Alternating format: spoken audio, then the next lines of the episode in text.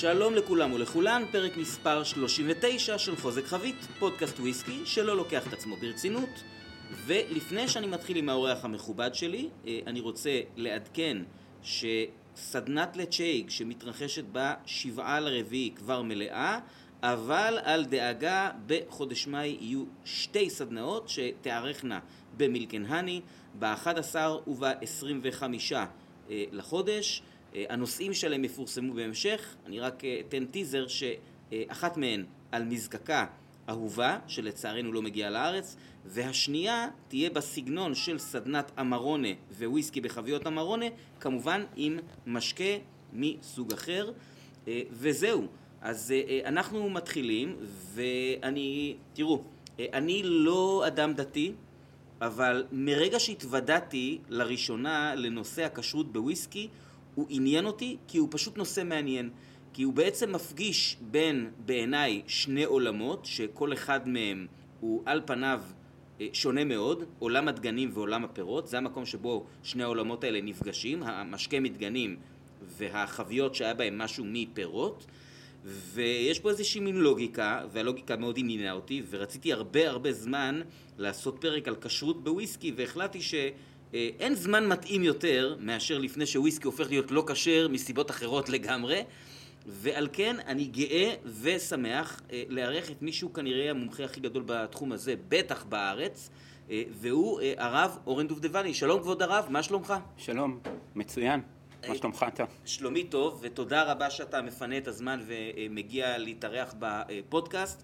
אני יכול לספר לך שלא מעט אנשים שאלו אותי מתי יהיה פרק איתך. אה, כי הרבה מאוד אנשים אה, שמאזינים לי הם שומרי כשרות והנושא הזה מעניין אותם, וגם אנשים שלא שומרי כשרות, אני חושב שזה פשוט מעניין. כלומר, כשאתה נהיה וויסקי גיק, מעניין אותך הכל, גם אם, אה, גם אם זה יין, גם אם זה וויסקי וגם עם המפגש ביניהם. והייתי שמח, כמו שאני עושה בכל הפרקים שבהם אני מראיין, לפני שאנחנו מתחילים בכלל לדבר על הנושא שלשמו התכנסנו שנינו, אם תוכל קצת לספר לנו על עצמך. מי אתה, הרב אורן דובדבני, כל דבר שאתה תרצה לחלוק איתנו, אה, בבקשה. אה, אוקיי, אז את השם אתם כבר יודעים. כיום אני עומד בראש המערך של אה, כשרות צוהר. Mm-hmm. אני מניח שהרוב המאזינים שלך שמעו על זה. וזה אחרי הרבה הרבה שנים בחו"ל, בעיקר באמריקה הלטינית. אמנם עולם יותר של טקילות ומסקל, אבל מעניין בפני עצמו. קצת אה, באירופה, קצת באיטליה. מתעסק עם כשרות כבר 25 שנה. אוקיי, ואתה, אה, אני מקווה שאני, שזה בסדר שאני שואל, אתה נולדת בארץ? אני נולדתי בארץ. אוקיי, ואיך הגעת בעצם למצב שבו אתה מסתובב בעולם ועוסק בכשרות? אתה, איך נראה מסלול הלימודים בתחום הזה, או ההסמכה? אה, הרבה שנים של לימוד בישיבה כדי לדעת את התיאוריה, לימוד בבית המדרש.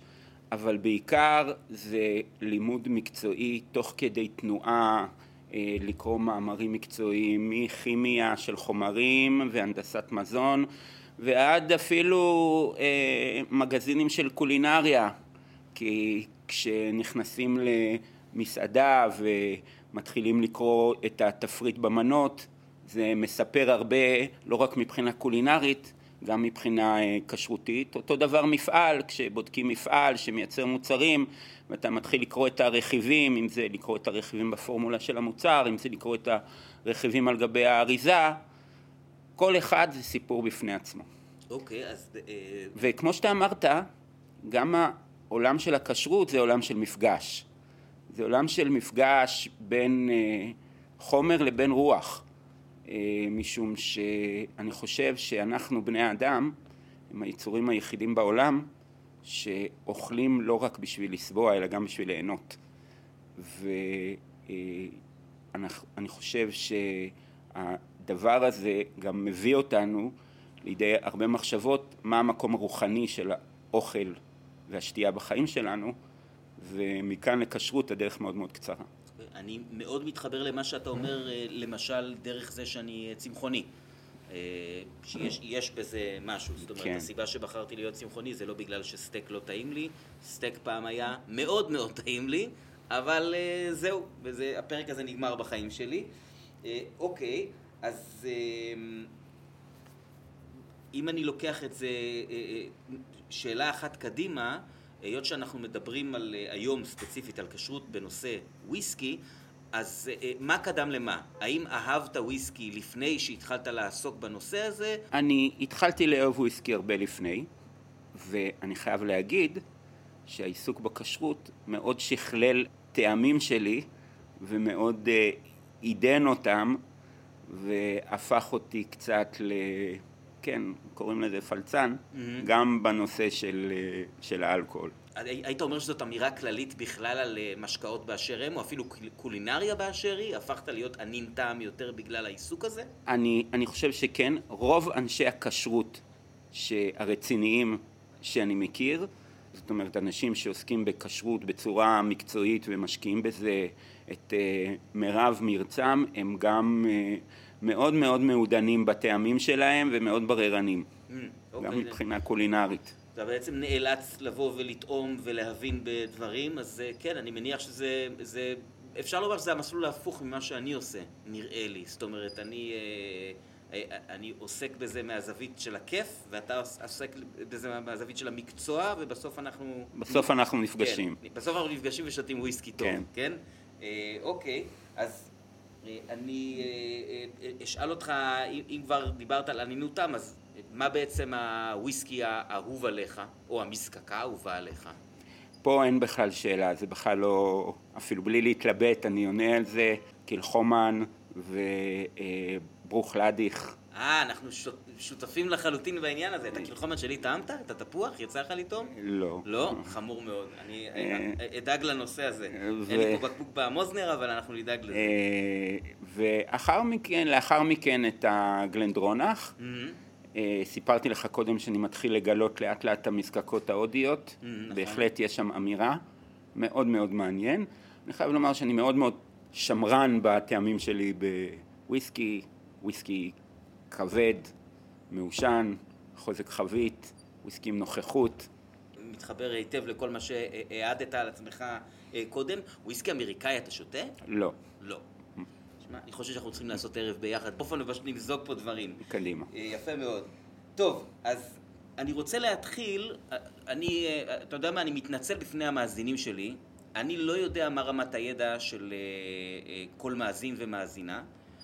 ואני כן חושב שבפרק הזה מאוד מאוד אה, חשוב לעבוד באיזשהו אה, סדר מסוים, כדי שכל המונחים יהיו בהיר לנו, וגם כמובן שאני לא מבין גדול בנושא הזה בעצמי, אני יודע את המעט שאני יודע, כשאני מעביר סדנת וויסקי אני מתייחס לנושא הזה מעט כשיש צורך ושואלים אותי, ברוב המקרים אין צורך וברוב המקרים לא שואלים אותי, אז הייתי רוצה שבתור התחלה, אם תוכל לתת לנו את, בקצרה את ההסבר שבו אנחנו עושים את ההפרדה בין תוצרי ענבים ודיני הכשרות שלהם לבין תוצרי דגנים ודיני הכשרות שלהם. או אולי אפילו תפתיע אותי, ויש תוצרי פירות שהם אה, גם יש להם איזשהו אה, אה, עניין שהוא לא קשור לדגנים ולא קשור לענבים. את עולם הכשרות האלכוהולי אנחנו מחלקים לשלושה או ארבעה תחומים. התחום הראשון והקריטי ביותר הוא כל מה שמגיע מענבים. החל מיין ועד ברנדי, קוניאק, אה, רקי, אוזו וכדומה. אה, בתחום הזה אה, הכללים הם מאוד מאוד ברורים. יין שנעשה על ידי גויים, אפילו בחלק מהתהליך, הוא אסור בשתייה, הוא לא כשר, ובעצם ההלכה קובעת שכדי שיין יהיה כשר, הוא כל תהליך הייצור שלו, מסחיטת הענבים ועד הבקבוק, חייב להיעשות על ידי יהודים. זאת ועוד, גם אחרי שהיין כבר מוכן והוא נפתח, חוקי הכשרות, הלכות כשרות אוסרות על נגיעה של הגוי ביין. הדבר הזה בעיקרו נועד, אני חושב מסיבות מובנות, ליצור איזה שהם מחיצות חברתיות אה, בין יהודים לגויים, כי כמו שדיברנו קודם, אוכל זה זהות, העם היהודי בנושא של שמירת זהות הוא מאוד מאוד רגיש. Mm-hmm. וכיוון שגם במזרח התיכון ובעולם העתיק ולאחר מכן גם באירופה יין היה המשקה האולטימטיבי כי מים באירופה אי אפשר היה לשתות אז אה, נוצרו מחיצות וכללים והפרדות מאוד מאוד ברורים בכל הנושא של כשרות שנוגעת ליין. התחום השני הוא התחום של הליקרים. גם כאן יכולות להיות אה, בעיות לא פשוטות בגלל המגוון של, ה, אה, של החומרים ושל חומרי הגלם, אם זה חיזוקים על ידי אלכוהול שמגיע מיין, חיזוקים על ידי קוניאק וברנדי, שגם הם שייכים לתחום הזה, אם זה שימוש ב, אה, בצבעים שונים שיש איתם בעיות, היה במשך שנים סיפור עם הקמפרי שהשתמשו בו בצבע האדום הקוצ'יניל, צבע אדום לא כשר, אה, שמגיע מקנימות, עד שהחברה החליפה אותו לצבע האדום הסינתטי ופתאום הקמפרי הפך להיות אה, כשר. באמת, לי... אני, סליחה שאני קוטע אותך, אני, הגרסה שאני הכרתי היא שהיו בעצם שבאיזושהי תקופה היו שני מתכונים במקביל, זאת היה קמפרי שהיה לא כשר והקמפרי שהיה כן כשר. ובאחרונה, בשנים האחרונות, זה באמת בגלל שגילו שהאי 120 הוא, הוא מאוד מאוד לא בריא, כן, אפילו בכמויות קטנות, והעולם מתחיל אה, לדחוק את השימוש בחומר הזה החוצה, דברים אה, השתנו. אה, יכולים להיות כמובן, כמו שאנחנו יודעים, ליקרים חלביים, שזה נושא בפני עצמו. חלב נוכרי, מה שנקרא? חלב נוכרי, או פשוט לדעת שהליקר הזה חלבי כדי mm, לדעת... עצם היותו חלבי. אה, לדעת איפה להשתמש בו ואיפה לא. Mm-hmm. אה, אני, למאזינים שלא מקשרים, אז הקישור המיידי הוא כמובן בייליס. אייריש קרימים למיניהם, אבל גם ליקרים נוספים כן. כמו אמרולה או... ואפילו אפילו, אפילו וודקות היום שמשתמשים בהם בסוכר לקטוז, כן? כמו בלקאו אה, או משהו כזה, שזה מתייחסים, אנחנו מתייחסים לזה ברגע שזה הגיע מהלקטוז, אנחנו מתייחסים לזה כמוצר חלבי לכל דבר. Mm, אוקיי, זה מעניין מאוד. כן. אוקיי, אז אלה אה, שני הדברים הראשונים בעצם, שיש כן. לנו. אחר כך יש את כל הנושא של התזקיקים, ששם גם נכנס הוויסקי והטקילות ו... אה, האוזו והערק וכל הת... והוודקות וכל התזקיקים למיניהם. ששם אנחנו צריכים לבדוק מה עשוי מחיטה לשאלת החמץ בפסח, מה עשוי מ... מענבים לשאלת איסור, ה... האיסור שדיברנו עליו קודם ודברים אחרים, ובסוף בסוף יש, כמו שאני תמיד אומר, את הילד הצעיר של האלכוהול, זה הבירות. Mm-hmm. גם בירה הייתה במשך שנים המשקה, הקוקה קולה של העולם, mm-hmm. כן? אה, שתו את זה במקום, אה, במקום מים. אה, שמה בעיקר הסיפור הוא סיפור שונה לגמרי, הוא סיפור של השאלה, קוראים לזה חדש. זאת אומרת, השאלה מתי קצרו את החיטה או את השעורה שממנה עשו את ה... בירה. אם השעורה נקצרה והכינו את הבירה לפני פסח, כן? כיוון שההלכה קובעת שתבואה חדשה, לכן זה נקרא חדש, אפשר לאכול אותה רק מפסח ואילך, אז בירה כזאת יכולה הרבה פעמים להיות בעייתית. זה, האמת היא שזה כמעט לא קיים, כי רוב המבשלות מעדיפות את החיטה, מ, אה, לפחות לפי מיטב ידיעתי, את החיטה ממרכז אירופה, ששם הקציר הוא, הוא קציר קיץ ואחרי הפסח. היום העולם של הבירות גם משתכלל, יש בירות שמחוזקות עם ברנדי, יש בירות סטאוט שיכולות להיות חלביות, ודבר כזה. בירות שמיושנות בחביות. בירות שמיושנות בחביות וכדומה. בעצם, אם אני רגע רוצה לעשות לנו אה, אה, סדר בראש, בעצם כשאנחנו ניגשים עכשיו לנושא הוויסקי, אז הוא נוגע ב, גם בנושא של הדגנים והקציר, באיזשהו מקום? השאלה אם אה, נגיד... לא, הוא לא נוגע, משום שהוויסקי הוא ישן. אז זאת הוויסקי זוקק, ובעצם כן. ברגע שזוקק אז... ישן, אני לירה שאתה, שמוכנה תוך כמה שבועות, כן? עד שוויסקי יהיה מוכן. הבנתי. בוויסקי אין שאלה של חדש. בעצם- אה, אוקיי. האם יש שאלה בוויסקי של... אני, אני, אני קצת קופץ קדימה, פשוט בגלל שאנחנו מדברים על זה, וזה מאוד מעניין אותי. אני, אני, לפי מה שאני יודע היום, הדגנים שמהם מיוצר וויסקי ישראלי, כמעט בכל המקרים הם דגנים שמגיעים מאירופה, למעט אה, מעט מאוד מהוויסקי שמייצר אה, אדון אה, דוד סיבל היקר בגולני מחיטה ישראלית. אז למשל, ברגע שהדבר מיוצר מדגן שבעצם גדל בארץ הקודש, נכנסים פה עוד כל מיני חוקים מעבר לו. כן, בעיקר שאלות של הפרשת תרומות ומעשרות, מהמם. מה שנקרא בטרמינולוגיה ההלכתית מצוות התלויות בארץ, זאת אומרת מצוות שחלות, חובות הלכתיות שחלות רק בגבולות ארץ ישראל, ואם זה קשור, זה לא שייך דווקא לארץ, אבל זה בכלל, אם הכל בבעלות יהודית, אז שאלת מה שנקרא חמץ שעבר עליו הפסח. זאת אומרת, צריך לדאוג לפני פסח, וזה גם הבקבוקים שלך, אה, אה, צריך לדאוג לפני פסח אה, להעביר באופן משפטי את הבקבוקים לבעלותו של גוי, כי חמץ שהיה ברשות יהודי בפסח הוא אסור באכילה ובשתייה.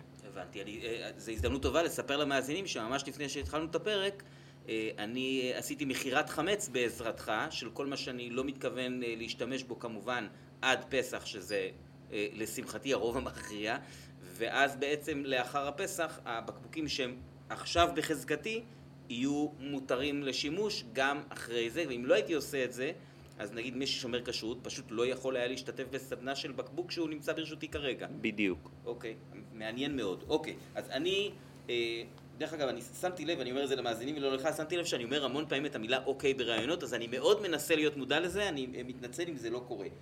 אז אה, הבנו בעצם את ההבדל בין ארבעת הסוגים האלה של אה, הכשרות. אה, הייתי כשאלת המשך רוצה, אה, אם תוכל להתייחס לה- גם לעניין הזה של יין נסך, כי זה, אני חושב, כשמדברים על נושא של חביות, זה הדבר הראשון שקופץ, המונח שאני שומע הכי הרבה, ואני לא בטוח שכולם יודעים מה זה אומר יין נסך, אז כן. אם כבר דיברנו על העניין של ההלכה והיין, נשמח אם תרחיב על יין נסך. אוקיי, אז אה, המושג איי נסך הוא משמש, לא הייתי רוצה להגיד משמש בטעות, אבל הוא משתמש, הוא משמש בתור שם קוד, לא במשמעות המקורית שלו. במשמעות המקורית של איי נסך זה יין ששימש או משמש לכל מיני עבודות פולחניות, למעשה הדתי של מה שנקרא עבודה זרה. אה, ויין כזה הוא אסור מן התורה. כן? יין של גויים שמיועד לשתייה הוא לא אסור מן התורה, אבל חכמים אסרו אותו בגלל הסיבות שפירטתי אותם קודם. המונח ההלכתי המקצועי נקרא סתם יינם. סתם יינם. סתם אוקיי. יינם. הבנתי. כן? יין שהוא לא של כן. יהודים, אבל הוא לא בהכרח בשביל לנסח נסכים. בדיוק. וכשאנחנו נדבר עוד מעט על החביות, ובעצם רוב היין של הלא כשר שאנחנו מדברים עליו, הוא נכנס תחת ההגדרה של סתם יינם, הוא אסור, הוא אסור מדברי חכמים, אבל הוא לא אסור מן התורה, האיסור שלו זה אחד, נחשב אחד האיסורים החמורים והקשים בהלכה, אבל צריך לדייק שזה לא איסור תורה, הוא פחות חמור, אבל זה עדיין איסור אה, שנחשב חמור מאוד, ו- וכי זה, זה קשור ל, ל, לליבה של הזהות, כן? במיוחד לאור העובדה שליין יש מעמד כל כך בכיר ב, ביהדות. וגם בדתות אחרות. כן. אה, אוקיי, אני, ממה שאני אה, מבין, בעצם יין נסך במקור היה יין ששימש לפולחן בדתות פוליתאיסטיות. היוונים מאוד אהבו לשפוך יין בכל מיני מקומות, אם זה על האדמה ואם זה על המזבח וכן הלאה.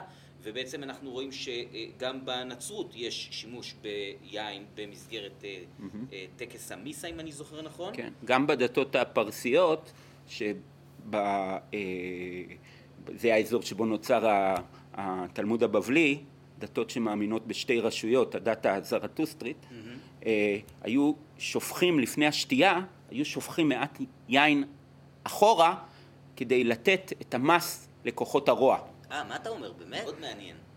מאוד מעניין. אתה מדבר פה עם אה, סטודנט מתוסכל להיסטוריה שלא הצליח להשלים את התואר השני שלו, אבל זה נושא לשיחה אחרת. אז אה, בסדר, אני חושב שאנחנו כולנו עכשיו, אה, יש לנו את אז הציבור, אני רק אומר שהציבור משתמש בביטוי יי נסך, כן? אה, אבל לא תמיד זה בא במשמעות המקורית שלו, אלא יין נסך זה הפך להיות שם קוד ליין לא כשר. אני מודה שגם אני עשיתי את זה, ופעם ראשונה שאני שומע את המונח הזה סתם יינם. אז זאת הרחבה טובה וראויה, אני שמח ששאלתי את זה. זאת אומרת, בסופו של דבר הכוונה שלנו היא הכוונה הנכונה, פשוט השתמשנו במונח שהוא לא מדויק. אז וויסקי, לפני שאנחנו מדברים על הנושא של חביות הוויסקי, אני אשמח אם תוכל לספר לנו, בתהליך הייצור של וויסקי, נגיד לפני שהוא נכנס לעישון, על אילו מהשלבים אתה נניח צריך להקפיד כשאתה בא ובודק אה, כשרות. האמת שעיקר הבעיה מתחילה בחביות. לא מדובר, כמו שאמרנו קודם, על מלט אה, שמגיע מתוך ארץ ישראל. או על משהו שהוא בבעלות יהודית שיש עליו את שאלת החמץ שעבר עליו הפסח. זה לא שונה למשל מהטקילה, כן? שזה תזקיק של האגבה ו... וזהו, כן? הבנתי. אני נגיד חושב עכשיו על דוגמה אחת שנשמעת לי כמו דוגמה מעניינת, יש אה, וויסקי סינגל מל צרפתי שנקרא ברן שמיובא לארץ על ידי החבר'ה מפרי ספיריטס, ואפילו אה, דיברתי עליו באחד הפרקים, שככל הידוע לי נעשה במזקקת קוניאק. אז למשל, יכול להיות שהשתמשו בדוד הזיקוק בענבים, זה יכול אולי לפסול או שבגלל זה... זה יכול לפסול, למרות שאני חושב שמעשית לא יעשו כזה דבר. זאת אומרת, יצרן וויסקי משתמש, אה, לפחות אני לא ראיתי ושמעתי, לא השתמש במערכת הזיקוק שזיקקה משהו אחר כדי לזקק את הוויסקי, זה יכול לקלקל את הטעם. ניקוי זה בטוח, וזה אתה... אוקיי, זה סתם הפיקנטריות. אני מאוד אוהב פיקנטריה. אז אה, אוקיי, אז, אז בואו נתקדם לנושא החביות, שהוא בעצם הנושא המרכזי שמעניין אותנו. כן. ספר לנו בעצם איך, איך בכלל עובד כל התהליך הזה, שבו, איך אתה ניגש לזה בכלל. או אתה יודע מה, אני אשאל אותך שאלה, אפילו שאלה מקדימה. כשאתה ניגש וצריך לעסוק בנושא הזה, זו שאלה שאני מנחש, שאני קצת מנחש את התשובה אליה, אז אתה מן הסתם צריך גם להבין במשקה עצמו. אם אתה ניגש עכשיו לחבית שרי, אתה לא חייב להיות אה, מומחה השרי מספר אחד בעולם, אבל בוודאי להבין מה זה אומר פלור ואיפה מייצרים ואיך מייצרים. זה נשמע לי כן. שעשית המון טיולים כיפים, אני מצטער, אני קצת מקנא. אוקיי. אה, כשרות באופן כללי תמיד תתחלק אה, לשלושה תחומים. לחומרי הגלם, ה-ingredients, לציוד ולתהליכי הייצור. וכאשר בודקים כשרות של מוצר, צריך לעבוד על כל שלושת התחומים האלה ולבדוק שהם עומדים בסטנדרטים ההלכתיים. השאלה, האמת, של אה, כשרות הוויסקי בחביות היא לא שאלה חדשה, היא, היא לא שאלה בת אה, עשרות שנים ואפילו לא שאלה בת מאות שנים, אלא כבר המשנה, זאת אומרת אנחנו מדברים על המאה השנייה לספירה, כן? אה, מדברת על השאלה האם אפשר לשתות יש ששמו אותו, ב, המשנה קוראת לזה חביות, אבל צריך לזכור שבימי המשנה לא היו חביות מעץ, החביות היו כדי חרס, ששמו אותו בחביות שהיה בהם סתם יינם. מה אתה אומר? עד, עד לשם זה מגיע? כן. אוקיי. כי הסיפור הוא בדיוק אותו הסיפור של החביות. החביות הן יקרות, כדי החרס הם היו יקרים, בעיקר בגדלים שעליהם מדובר, והיו מניידים ציוד ממקום למקום. כמו שהיום מסעדות אה, קונות ציוד משומש, אחת מהשנייה. נכון. אה, מסתבר שלא רק הסקוטים קמצנים אה, אוהבים להשתמש לא באותו רק דבר, הסקוטים, זה- גם היהודים, כן. והמשנה שמה אומרת שחריפות היש אה, מבטלת את טעם היין. אני רוצה רק אה, להיכנס לאמצע ויש הם ראשי תיבות של, אני מכיר יין שרף ויין שרוף. יין שרף. כן. יין שרף. כן. זאת אומרת, איזשהו תזקיק איזשהו כלשהו, תזקיק כלשהו. שלא כן. לגמרי יודעים איך זה קרה, בגלל שהטכנולוגיה של זיקוק שאנחנו מכירים, כן. מקורה בפרס במאה העשירית, אבל אנחנו יודעים שגם היוונים כבר לפני הספירה, היה להם את הטריקים שלהם. וגם, ה... וגם היהודים. זאת אומרת, אנחנו יודעים על יין כבר בתקופת התנ"ך. כן. הם ידעו להכין יין, כן? לא, כנראה טעם אחר לגמרי ממה שאנחנו... הוא היה מאוד, האמת היא שהוא היה מאוד מאוד דומה לשרי. מבחינת העוצמות שלו ומבחינת החוזק שלו. אז אתה אומר עד שבעצם כדי- היה חזק יותר. הוא היה חזק יותר, עד כדי כך שבמקורות חז"ל אנחנו אה, שומעים כל הזמן על המעשה של מזיגת יין. מה זה מזיגת יין? מזיגת יין זה לא שלמזוג את היין מהכד או הבקבוק לכוס, אלא לדעת לערבב ביין, למהול את היין עם כמות נכונה של מים, כדי שהיין יהיה ראוי לשתייה. זה משהו שלפי מה שאני יודע, אנחנו גם קוראים במקורות שהם גם לא יהודים. זאת אומרת, כן. גם אריסטו ואפלטון התייחסו כן, לעניין אז, הזה. אז כש, כשהמשנה למשל אומרת שהאישה מוזגת יין לבעלה, אז מדובר על זה שהיא יודעת למהול לו את היין בדיוק בכמות שהיין יהיה ראוי לשתייה, זו נחשבה מומחיות רצינית באותם ימים. שמח לגלות שלמקצוע שלי יש מומחיות של אה, הרבה מאוד שנים. כן. יפה. ב, אה, בכל מקרה, אם אנחנו רואים את מה שאנחנו רואים במשנה, אה, לכאורה הפודקאסט היה אמור לי, להסתיים בשלב הזה, לכאורה. אה, והכל בסדר, אלא שהשאלה שעולה היא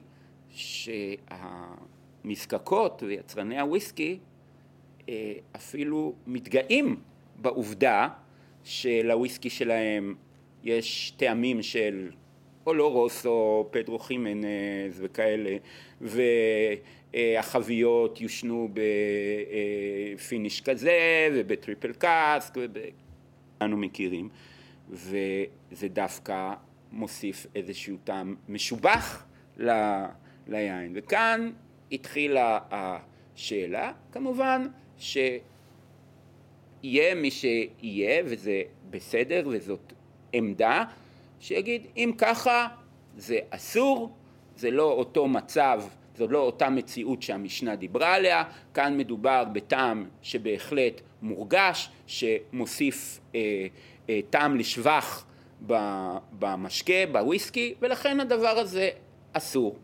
כן? אבל אני הרבה פעמים חושב, ש, אה, וככה אני, אה, אפשר להגיד שזאת הפילוסופיה המקצועית הכשרותית שלי, שהתפקיד שלי בתור רב הוא למצוא את הפתרונות. זה כנראה שאני אה, לא היחיד שחושב את זה, משום שגדולי הפוסקים לאורך השנים הבינו שהציבור היהודי, הקהילות, האנשים, ישתו את הוויסקי, כן?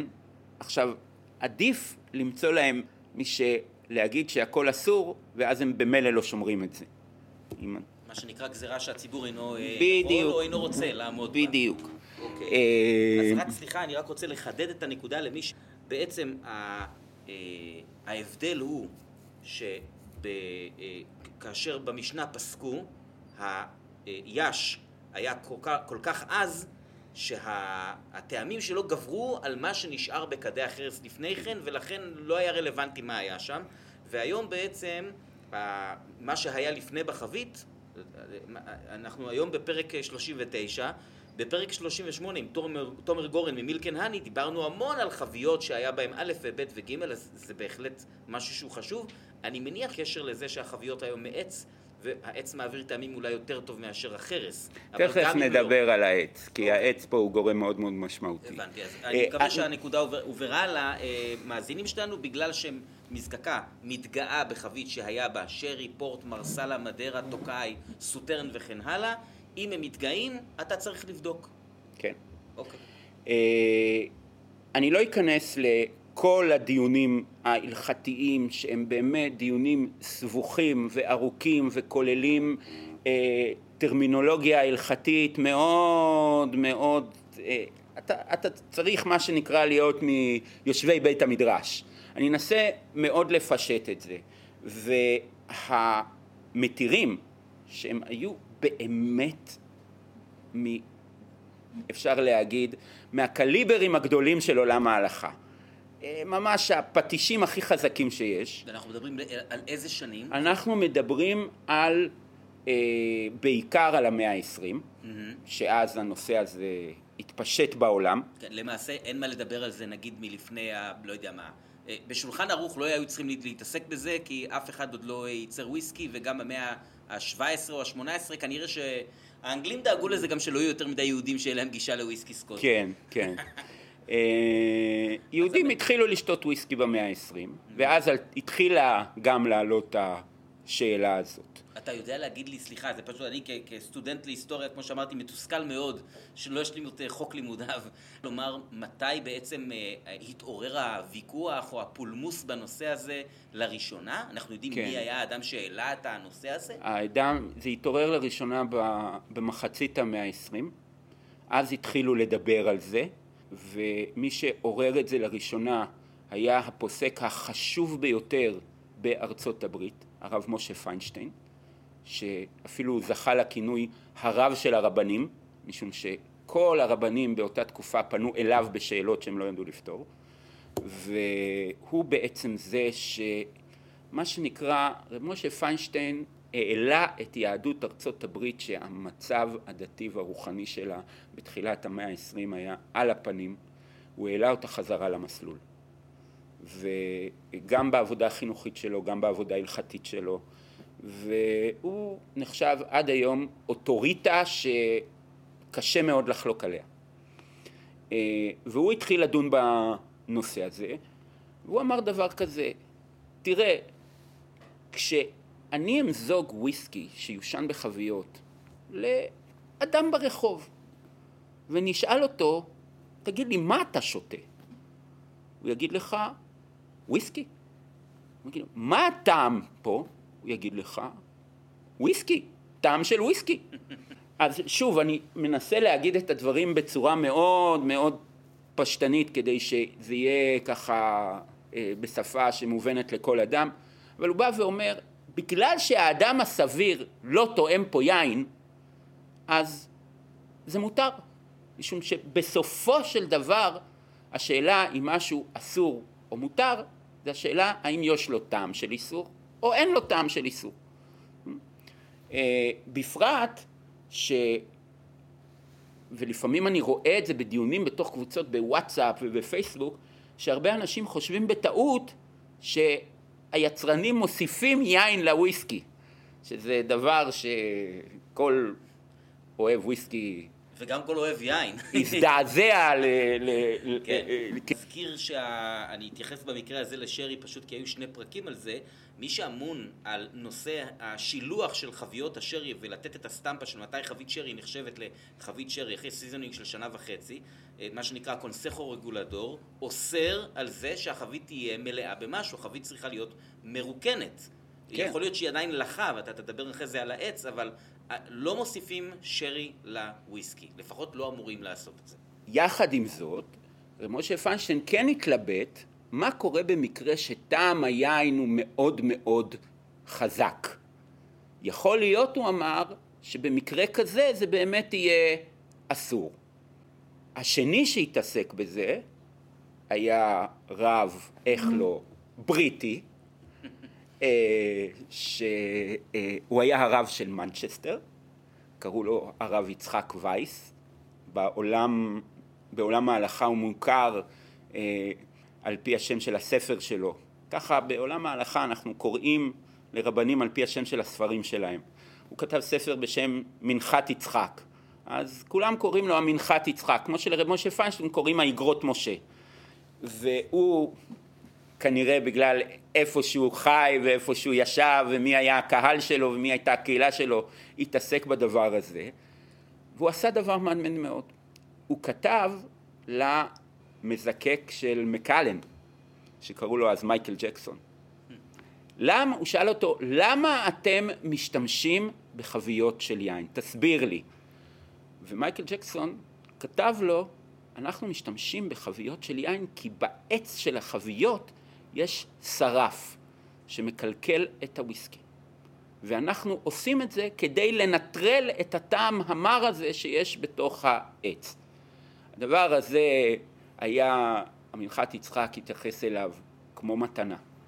הוא אמר, אה, ah, אם ככה זה לא בא כדי להוסיף טעם, זה בא רק כדי לנטרל טעמים רעים. אז שוב, אין בעיה. היתרון של המנחת יצחק על פני רבון של פיינשטיין שהוא מוכן ללכת עוד צעד קדימה. זאת אומרת, הוא בא ואומר אפילו כאשר העישון בחביות היין היה כנראה מסיבי יותר, גם אז זה צריך להיות מותר מפני שכל המטרה היא, המטרה היא לנטרל טעמים. אלו היו שתי השיטות העיקריות עד לא מזמן. לפני כמה שנים התחיל לזרוח כוכב חדש בעולם ההלכה, בעולם התורה, והוא באמת אה, אחד מהגאונים הגדולים שהוא חי איתנו היום. רב חסידי, תושב ירושלים, מאוד מאוד מוכר בציבור לומדי התורה, פחות בציבור הרחב, הוא די, אה, די אה, לא, לא חובב פרסום, שמו הרב אשר וייס, שנקרא לו גם כן על פי ספרו המנחת אשר, והוא אמר בואו נסתכל על הסיפור הזה מנקודת מבט שונה לגמרי. אני שוב, אני אנסה להגיד את הדברים בצורה מאוד מאוד אה, סכמטית. כלומר, אם ניקח סיר בשרי ונבשל בו רוטב חלבי, הרוטב יהיה אסור, מדוע? משום שבגלל החום הטעם הבשרי שבלוע בסיר יעבור לרוטב החלבי. זאת אומרת, המאכל נאסר בגלל השימוש בחום וזה קורה באופן מיידי. המנחת אשר שאל את עצמו, מה קורה עם וויסקי? וויסקי הוא לא וויסקי עד שיעברו עליו שלוש שנים, חמש שנים. עכשיו, זה הטעם של הוויסקי. ממה הוא מושפע? הוא מושפע מהחבית, הוא מושפע מהמלט, הוא מושפע מהזיקוק, הוא מושפע מהמקום של החבית במחסן, למעלה, למטה, בקיר של הים, בקיר הפנימי. הוא מושפע, כולנו יודעים, אנחנו אוהבי וויסקי, כולנו יודעים שהטעם מושפע מכל כך הרבה דברים ומכל כך הרבה גורמים. וזה, הדבר הזה נקרא בהלכה זה וזה גורם. מה זה המושג הזה זה וזה גורם? זאת אומרת שאם יש לנו למשל אה, מאכל שכדי לייצר אותו השתמשו באנזים אסור ובאנזים מותר, כיוון שהוא לא נוצר רק מהאיסור, אלא גם מאיסור וגם מהיתר, המאכל הזה מותר. המנחת אשר אפילו הלך יותר מזה והוא אמר זה לא כמו המעבר של הטעם מהסיר הבשרי לרוטב החלבי שנוצר על ידי האש. הוא אמר אין לנו פה בכלל טעם, יש לנו פה ריאקציה כימית. הוא ממש משתמש בביטוי הזה, ריאקציה כימית. הוא, הוא, הוא אני חושב הראשון שהסתכל על, על, על עולם הוויסקי או על המשקה הזה שנקרא וויסקי באמת כפי ש... למשל, אני חושב שצריך להסתכל על כל, כל ייצור המזון בכלל. בסופו של יום הכל כימיה. הכל כימיה והכל הנדסת חומרים.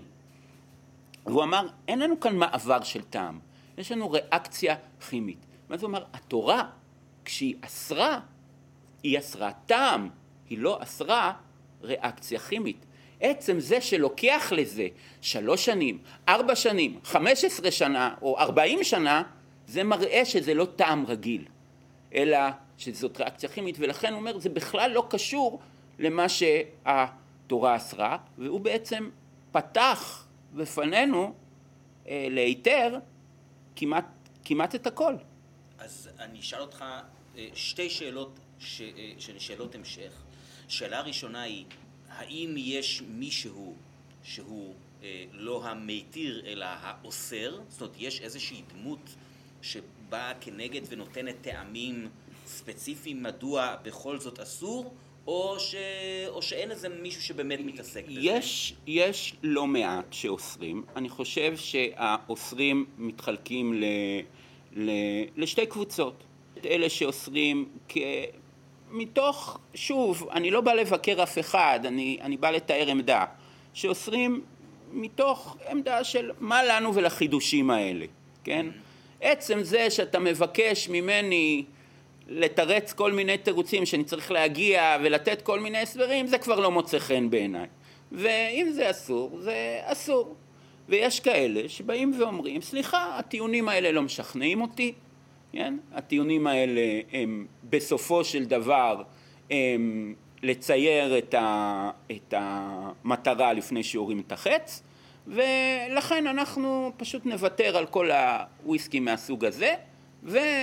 אה, נסתפק רק בוויסקי שלא מגיע מחביות שלי. אז בצורה, אה, מה שנקרא במובלע, ממה שאני מסיק, שכשמישהו בא, ותיארת פה שלושה אנשים, ואני, אה, מה שנקרא, אתה לא תעשה את זה, אני אעשה את זה כמובן במלוא הענווה, אני אוסיף אותך לרשימה.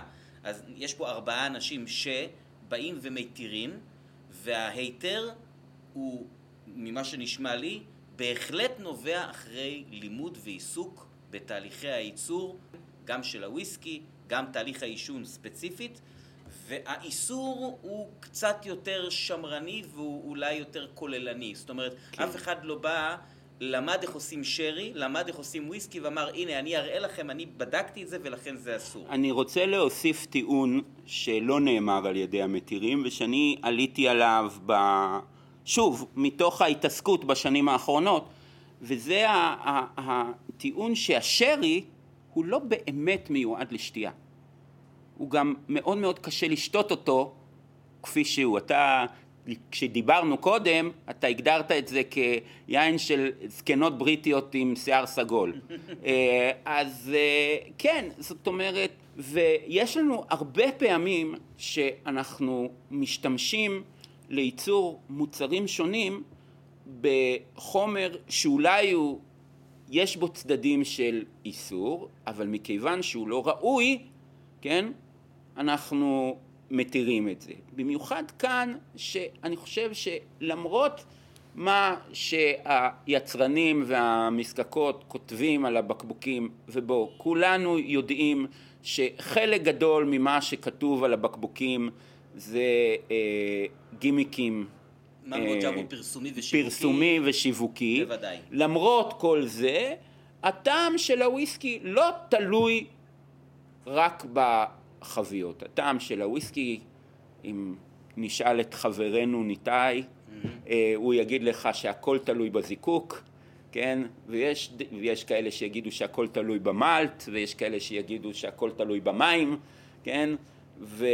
כמספר השלבים בייצור הוויסקי וכמספר המרכיבים של הוויסקי, כך מספר השיטות מה משפיע על, על ייצור הוויסקי, ואני חושב שהאמת נמצאת איפשהו באמצע, כן? כל דבר באמת משפיע על ייצור הוויסקי, אז לבוא ולהגיד טעם של איסור זה, זה לא מדויק, כי באמת אין פה טעם, אלא באמת יש פה ריאקציה כימית, יש פה משהו אחר, ובאמת הטעם לא נובע רק מחבית כזו או אחרת שהיה בה שרי כזה או אחר. אני רוצה לעשות אה, הסבר למאזינים שלא הבינו את ההערה שלך על שרי ולהזכיר למי שכבר שכח פרקים למיטב זיכרוני 20 ו-21, אולי 21 ו-22 שדיברנו על שרי, אחד הדברים שעמיתי אומר שם הוא שרוב השרי היום, שבעצם משתמשים בו לסיזונינג של חביות, אף אחד לא שותה אותו. השרי הזה אחרי זה הופך להיות תזקיק מזקקים אותו לברנדי או הופכים אותו לחומץ שרי למאכל. וגם דיברנו בעבר על זה שיצרני השרי עברו איזשהו תהליך הפוך, ממצב שהחביות היו התוצר לוואי שעושים עוד קצת כסף מהצד, לזה שיש היום אה, בודגות, או יותר נכון נקרא לזה קופרג'ים, שמטרתם היא ייצור חביות. ואם נשאר קצת חומץ שרי שאפשר להכניס כמה שקלים מהצד, זה נחמד, כמה יורו יותר נכון. אז אני עושה עוד איזושהי שאלת המשך. אז ניקח את העמדה שלך ושל המתירים, ובכל זאת, אם אני עכשיו אה, ניגש לבקבוק שאני רואה שכתוב עליו שהוא שרי קאסק מצ'ורד, או פורט, או לא משנה איזה סוג של אה, יין, ואין לי עליו מדבקת כשרות, האם יש איזשהו חשש כלשהו, או איזשהו קריטריון, שאפילו אתה תבוא ותגיד, חברים, לא, לא, זה כבר מוגזם, זה לא כשר, נקודה. אם זה מה שנקרא וויסקי באמת, ולא איזה זיוף ולא איזה, איזה צעצוע, אם, אם זה באמת וויסקי, וויסקי שישנו אותו בחביות, השאלה היחידה שיכולה להיות פה זה חמץ שעבר עליו הפסח. יותר מזה, באחד המקומות בכשרות שלנו, אני לא יודע אם פה מותר להגיד את השם. מותר לך להגיד מה שאתה רוצה. אוקיי, אז... אני ב... אפילו מעודד אותך לעשות אוקיי, את זה. אוקיי, באחד המקומות בכשרות שלנו, הלו הוא מוזיאון הוויסקי, בשרונה. אנחנו... שאוט אאוט לאמיר עדן, למוזיאון הוויסקי. כן, אז אנחנו צירפנו לתפריט דף הסבר קצר על אה, כשרות הוויסקי, ועל כך שיש בשלוש או ארבע דרגות שונות של כשרות הוויסקי מהדרגה המחמירה ביותר ש, שמסרבת לקבל שום חביות יין, אה, וויסקי בשום חביות יין, עד, אה, עד הדרגה המקלה ביותר. עכשיו חשוב להגיד שהעמדה המחמירה היא אולי הרבה רבנים יגידו שזאת העמדה שלהם, אבל בציבור, בציבור שומרי הכשרות זה בוודאי ובוודאי לא העמדה הנפוצה. זאת אומרת, גם אנשים, ואני מכיר את ציבור שומרי הכשרות ואני חי בעולם הזה ואני חושב שגם אני שייך לאותו חלק שיותר מחמירים ומקפידים בכל מיני עניינים כשרותיים, בהחלט, בהחלט, בהחלט ההיתר הזה הוא היתר נפוץ, הוא היתר מקובל מאוד, הוא היתר ש, שמי שאוסר מרימים גבה עליו. אני מבין. אז בעצם, אם כך אני אה, אמשיך לשאלה שחשבתי שהיא תבוא מכיוון אחד ועכשיו אני באיזשהו מקום מביא אותה מכיוון אחר.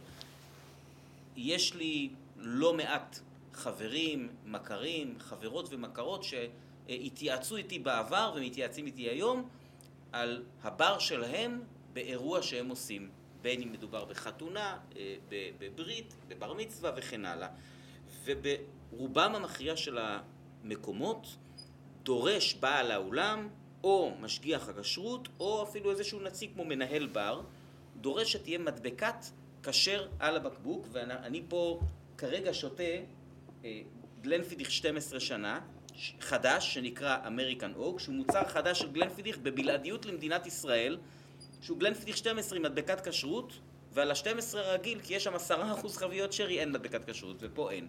דרך אגב, אה, וויסקי טעים בהחלט.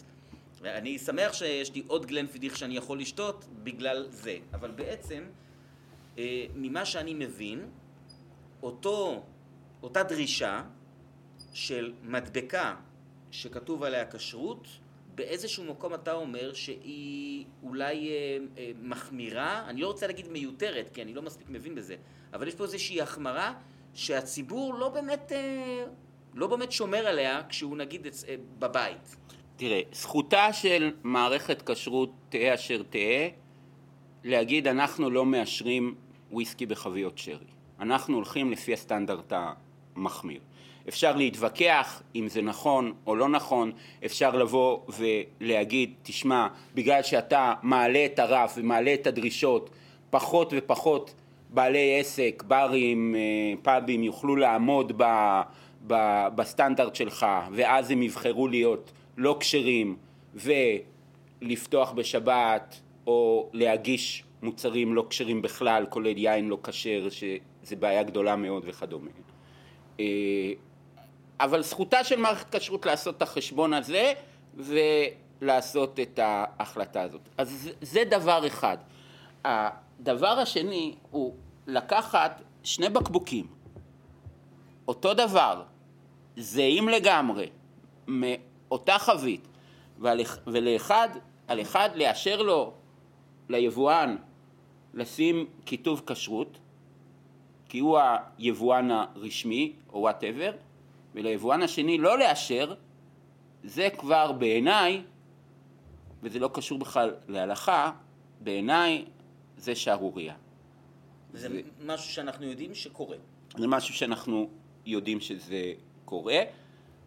אנחנו בכשרות צוהר, אנחנו מתייחסים למוצר. כמובן שיש מוצרים ויש חומרי גלם שאנחנו דורשים כשרות על המוצר וזה חייב להגיע עם כשרות וכולי, מוצרים כשרותיים רגישים, אם זה גבינות, אם זה יינות, אם זה מוצרים אחרים, אני בכלל לא מדבר על בשר, כן, וכדומה, כן, אבל אם יגיע לבר או לעולם האירועים מקלן עם כשרות ומקלן בלי כשרות, המקלן הוא אותו מקלן, בוא.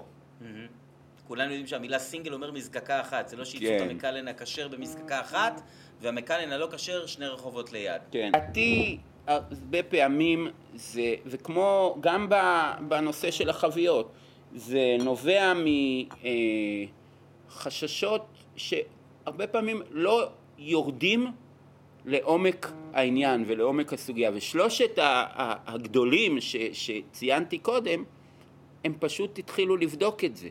וכתובות שהם כתבו, את הפסקים שהם כתבו, פסקים מאוד מאוד מאוד ארוכים, מאוד. כן? מי שהוא לא משוקע בעולם ההלכה, זה, זה, זה, זה נמשך ונמשך, והדיון היה מאוד מאוד יסודי, כן? והם הגיעו למסקנה של ההיתר. מה שאני רוצה להגיד פה שההיתר הוא היתר חזק, הוא יותר מבוסס, הוא לא איזושהי הנפצה. אני מבין את זה, ואז, אה, רק בשביל להוסיף לשאלה הזו, בעצם, אם כך, נגיד, ניקח אה, כדוגמה וויסקי שלא אתה ולא אני אוהבים לשתות, אבל שבו באמת לא צריכה להיות שום סיבה בעולם שלא תהיה עליו מדבקת כשרות. ברבן. אנחנו יודעים שזה רק מדגנים, אנחנו יודעים שהדגנים האלה גדלו בארצות הברית, אז אין פה שום עניין ארץ ישראל, ואנחנו יודעים שמדובר בחבית חדשה לפי חוק. בוודאות לא היה שם לפני כן יין. אז בעצם, איזה סיבה יכולה להיות שעל ברבן לא תהיה מדבקת כשרות? זה צריך לשאול את מי ש... את מי שלא נתן את המדבקה. את מי שלא נתן את המדבקה. אבל שוב, אני אומר לך, אה, הציבור, ציבור שומרי הכשרות לא מיישר קו עם העניין הזה, ואני חושב שבצדק. אה, אנחנו אה, תכף מגיעים לשעה, אמרתי לך שאני אגנוב חצי שעה מהזמן שלך, אבל הנה, היה כפול בגלל שהיה מעניין. יש איזה משהו שאתה היית רוצה להוסיף או, או לשתף או להציע? אני חושב ש... אתה יודע מה, אני אפילו, אני אשתף אותך, ואני...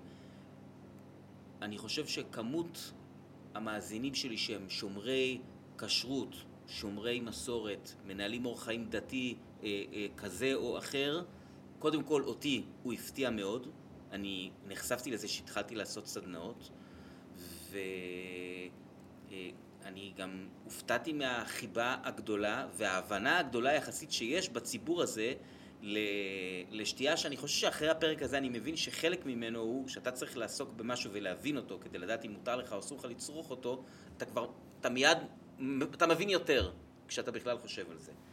אז משהו שהיית רוצה למסור או להציע לציבור הזה, שהדברים שלך הם חשובים לו, הם לא רק מעניינים אותו, אלא הם, הם ממש חשובים לו להחלטות שהוא עושה בחנות. המסר שלי, ברשותך, יהיה דווקא לאלה שמאזינים לנו שהם בעלי עסקים, בעלי פאבים, בעלי מסעדות, וזה המסר שאנחנו מנסים להעביר בכשרות צוהר, שהכשרות לא אמורה להיות מחסום, כן? היא אמורה, באיך שאנחנו מנסים לנהל אותה ובאיך שאנחנו מנסים להנגיש אותה לציבור, היא אמורה לתת לכם, בעלי העסקים, אה, כלי טוב לפנות לפלח שוק גדול יותר אה, ולהרחיב, אה, מצד אחד להרחיב את הלקוחות שלכם ומצד שני עדיין לתת מגוון, אם זה מגוון של משקאות, אם זה מגוון של מנות, ברמה גבוהה. וכמו שאמרנו קודם, הכשרות והקולינריה בעיניי זה מפגש מרתק, כי בסופו של דבר אנחנו, זה מה שאנחנו אוכלים ושותים. הרב אורן דובדבני, אני חושב שאלה מילים יפות מאוד לסיים איתם את הפרק. אני רוצה להודות לך על שפינית למאזינים ולי את השעה הזו. זה היה מאוד מעניין ומרשים, ואני מאוד מופתע גם מה... גם הלכנו אחורה כמעט אלפיים שנה, שזה, שזה משהו שיהודים יודעים ואוהבים לעשות, וגם למדנו הרבה. ואני יודע שאני אנצל את הידע הזה, אולי אנצל זו מילה נכונה, אני, אני אשתמש בידע הזה בסדנאות שאני מעביר. אז זהו, זה היה פרק מספר 39, תודה רבה לרב אורן דובדבני, ואני מקווה שאתם תפיקו מהפרק הזה הרבה, כמו שאני הפקתי ממנו. הרב אורן, תודה רבה. תודה. להתראות לכולם, שיהיה סוף